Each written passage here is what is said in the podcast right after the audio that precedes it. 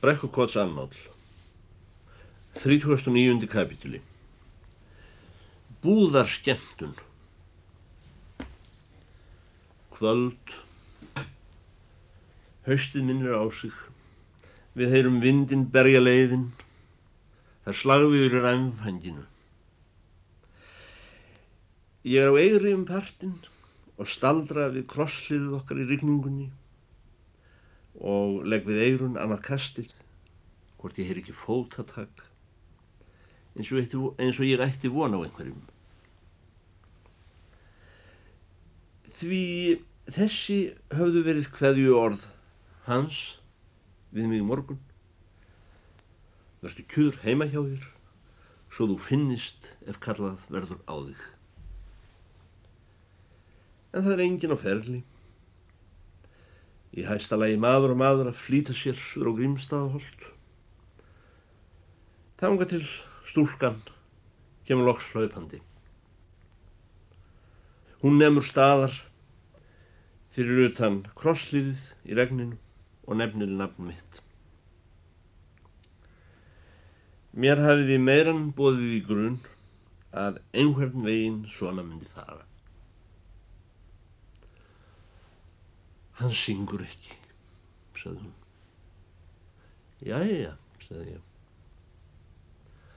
Hann er farin af hótelinu og ég hef búin að leita í hinnum staðnum. Ætla hans ég ekki komin á stað til útlanda eins og vantar. Datt ykkur annað í hug, sagði ég. Ég er komin til að byggja þig að bjarga þessu við, saði hún. Salurinn er fullur, rítstjórin hefur haldið ræðu, lúðrasveitinn spilað þrísvar, Madama Strúbenhols er búin með rapsódíun eftir list og lottarinn hefur tvítekið númeri sitt og var að byrja í þriðja sinn. Nú verður þú að koma og syngja. Ég kann ekki að syngja, saði ég. Það vita allir þú kanta, kontu bara, saði hún. Nei, saði ég. Langar þig að gera hann pappa minna alla í bænum, saði hún. Hvað var þar mjög um hann pappa þinn, saði ég. Ég trúi því ekki fyrir ég tek á að þú sért vondur maður, Álfgrímur saði stúlkan og fór að brinna músum. Ég sé ekki hverju pappi þinn væri bættari þó ég gerði mig að allægi fyrir almenningi, saði ég. Hún madama Strúbenhols hefur marg sagt okkur að þú kunnir að syngja, saði stúlkan. Ég hugsa að ég hef með vanur söngvari myndi ekki láta sér dett í hug að syngja óundirbúin. Fyrir var að laust eins og hann stendur, saði ég. Ég veit að þið, Madama Strúbenhols, hefið æft saman úr þýskri notnabók, saði hún, og, og þú getur farið í listamannsbúningin Lottarans. Það kemur ekki til mála, saði ég. Ekki einu sinni fyrir hann Garðar Holm frendafinn, saði hún. Ætlan hefði ekki sungið sjálfur, sagði ef vonum hefði þótt þess þörf. Langar þig þá ekki að pappi komist í þakkarskuld við þig, skuld sem hann gleymi aldrei upp á þessu kvöldi, sagði hún. Og ætlan pappiðin veit ekki hvað hann sjálfur syngur, sagði ég. Ég á bátt með að trúa að hann verði fyrir miklum vonbröðum út á hann garðari. Svo þetta eru þá taugarna sem þú hefur til mín, saði stúlkan. Læti ég vera þó þú viljir ekkert gera fyrir hann pappa, en ég sé að þú ert líka reyðubúin að sparka mér. Svona maður varstu þá. Glepur mig þar sem þú finnur mig skælandi um nótt tegir mig frá manninum sem ég elska svo hann fyrir burt og kemur aldrei aftur og gerir mig að vestu druslu í bænum.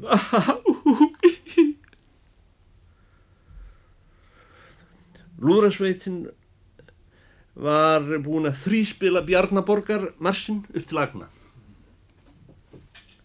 Það stóð heima þegar við komum á bakvið í Gúdemflarhúsinu. Þá var professor doktor Fástúlus að ljúka við að taka dúfuna upp úr hattinum í þriðasinn. Lottarinn var samstundis flettur klæðum og ég láti hann smjúa í skartið hans.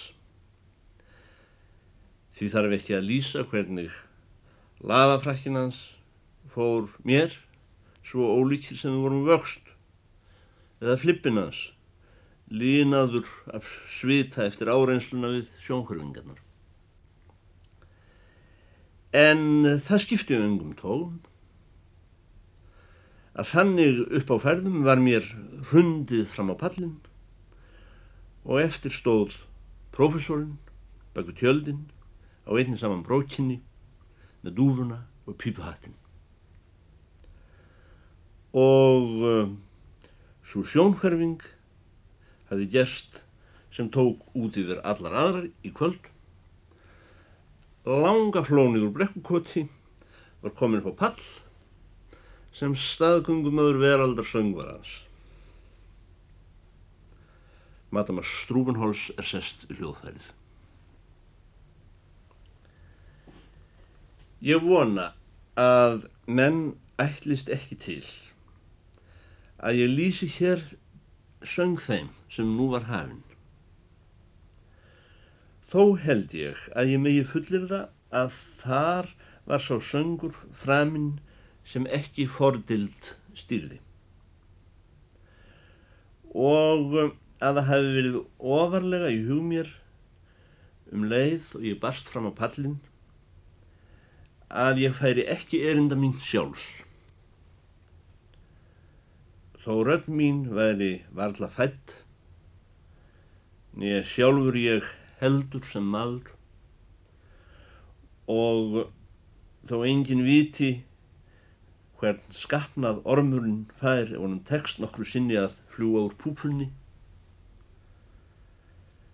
Þá var þó trúnaðurinn við Garðarhólm engin nýbóla fyrir mér, heldur leinilegt aðal umliðinar bernskuminnar. Ég söng óskipta þökk mína til handa þessum veraldart tenór sem reys fyrir Guðs miskun yfir bassan okkar í brekkukoti. Söng af því að ég vissi að söngurinn er vottur þess þakklætis sem skuldum Guði en ekki af því að ég kynni að syngja. Í þessu hlutverki var ég svo einarður þegar á fyrsta tóninum að hæðnis hlátratnir sem gullu við snertu mig ekki heldur en gólu þýtur fyrir austan fjall. Svo bjargförst var vissa mínum það að úr því ég stóð hér og ég hefði alltaf vitað undir niðri að ég myndi verða sá er stæði hér þá stóð ég hér í krafti þeirra hluta sem um, svo eru hátt ofar mér að ég telst ekki. Rúnin frítin alle selen. Hvernig sem því veik nú við, þetta litla, stóra fólk, laungu styrnað upp með beinserk af að vera holdtekja alls sem er rétt og satt í litlum, stórum, úthafskaupstað laglaust íslenskt heldra fólk og lærdómsmenn á áronum áðurum við komumst í mannatölu. Þessi sönglausastur hópur manna einhver sem nokkur staðar hefur samanstaðið á jörðu. Hann fór að hlusta. Eftir fyrsta lagið litu að vísu flestir á landshauðingjan og síðan á biskupin. en þó var einstökum maður sem ósjálfrátt gaf sig og vald einhverji frumstæðri samjátun þess sem hafi gerst. Menn fór að bera sig að lifta upp höndunum til þess að færa þær síðan saman í lofatæki. Mér þetta ekki hug að þar hafi verið klappað fyrir mér og samt menn viður kendu söngin og það er allt hendt upphafið. Á eftir öðru eða þriðja læginu klöppuð báðir biskupin og landsöðingin og það hefði samskonar áhrif og auglýsing frá stjórnarvöldunum. Við getum ekki viðurkent að við hlustum á vandansöng úr því einu sinni er búið að bjóða oss á skemmtun og við erum komnir og sestir þá er svo skemmtun orðin góð samkvæmt skilgreiningu. Síðan klappaði allt fólkið. Það held áfram að klappa eftir að þessi fáu lög sem ég kunni voru sungin upp. Ég stóð í leiðslu upp á pallinum og horfði á fólki klappa eins einhver gaf mér, mér merki um að hýpja mig. Og rangaði ekki við mér fyrir en að tjálta baki þegar professor Dr. Faustulus var byrjaður að færa mig úr buksunum sínum. Kvöldið var enn ekki á enda, sem ég stend þar, dasaður, utar við vegg. Veit ég ekki fyrr til en einhverjur þjónustulíði únsens búðar víkur sér að mér, með þeim skilabóðum að ég sé beðin að koma við á skrifstofu búðarinnar þegar ég fari heim. Guðmundsens búð var upplýst hátt og látt. Tveir undirbúðarmenn stóðu nýðri og horðu á mig með svip hoðmarskálka. Umleiðuði letu mig inn í miðbúðina. Þeir liftu fyrir mér hleranum í disknum og fylgdu mér um nátt auðar vistarverur bókaranna að dýrum þar sem hefði dularfulla orðs kontóar var letrað á hurðina. Kaupmaður Guðmúnsson stóð í skrifstofu sinni skrítur lavafrakka, heilkakka, orðu og grjóthörðum handstúkum fram á hnúa og hafði lagt yfirfrakka sinn þvers á stólbak. Hann var að kveika sér í vindli. Þetta var allt annað gerfi en í veislunni í fyrrakvöld. Hann dró niður munvíkinn undir reykingonum og sett í brúninnar. Í rjóðar kinnarnar var komin þurkur eins og stundum verður í búsnum andlitum meikkellinga. Góðan dag og gerir svo vel að fá þér sætistund hansinn, sagði hann, á dönsku. Hann nefndi ekki að sína lærdom sinni merkilegri tungum að þessu sinni. Sjálfur settist hann ekki. Á dauða mín mátti ég vonin ekki þessu, saði hann, þegar ég var sestur. Með leifi, hverjum voru þér að bjarga? Öngum, saði ég. Hún litla kom til mín. Með leifað spyrja, haldi þér að ég sé eitthvað fíbl eða hvað? Haldi þér að ég hef ekki vitað að Georg Hansson myndi skrópa? Ég stumraði því upp að Garðar hefði hlotið að vera eitthvað meirinn lítið vant við látin og því hann kom ekki. Vant við látin? hefði kaupmaður Gúnunsen upp eftir mér. Að hverjum eru þér að draga dár með leifi, student Hansen? Hvar eiga þessi látalæti við? Þér kaupmaður sem þekkið Garðar Holm svo vel, saði ég, dætti yfir í hug að hann myndi nokkru sinni fara upp á pallin í kvöld að sjálfum sér óviljuðum. Auðvitað ekki, sagði kaupmaður Guðmundsson. Aftur á móti sagði ég honum að ég myndi láta höfuð sitja hann kringum allan faksaflóa. Og ef hann reyndi að komast í skip myndi hann verða handtekinn fyrir svík. Þér hljótið að vita best sjálfur til hvers þér kölluðan heim, sagði ég. Hvers vegna við kvöllum hann heim, sagði kaupmaður Gúnúsin og gekk fast upp að mér þar sem ég satt. Það skal ég segiður hinskinnislega herra student. Úr þér hafið flæktiður þetta mál. Við kölluðum hann heim af því það var ekki hægt að halda þessu lengur áfram. Við vorum orðins þreyttir. Hann var hlaupinn frá dansku kellingunni sem höfur haldið honum uppi síðasta áratuginn og vasapenningarnir sem hann fekk mánadarlega um postúsið hér frá honum Jóni gamla sérvítringi af skaga sem passar eirarkamrana þeir sukku auðvitað ekki fyrir lífsupveldi handónum. Til að bæta gráu og ná svart þóttist dóttir mín vera heitbundin hann. Með öðrum orðum, það var að koma upp mann. Og þess vegna sendum við eftir honum kæri landi. Ég leiði mér að bera móti því að ég hefi reynd að flækja mér í þetta mál, saði ég. Ég var honum reyndar lítilsáttar til aðstóðar þessa daga sem hann var hér en það var eftir tilmælum frá búðinni. Ekkert var fjari mér en skipta mér af þessari skemmtun. Mér var ekki bóðið. Ég kipti mig ekki eins og inn. Ég satt heima. En ég var sóttur. Ég var sárbeðinn í yðarnafni fyrir Guðs skuld. Ég var dregin honni bæ. Mér var ítt upp á pallin. Ég skil nú að ég hef látið hafa mig að fýbli, orðið fólki mínu til mingunar og íður til skapröðunar.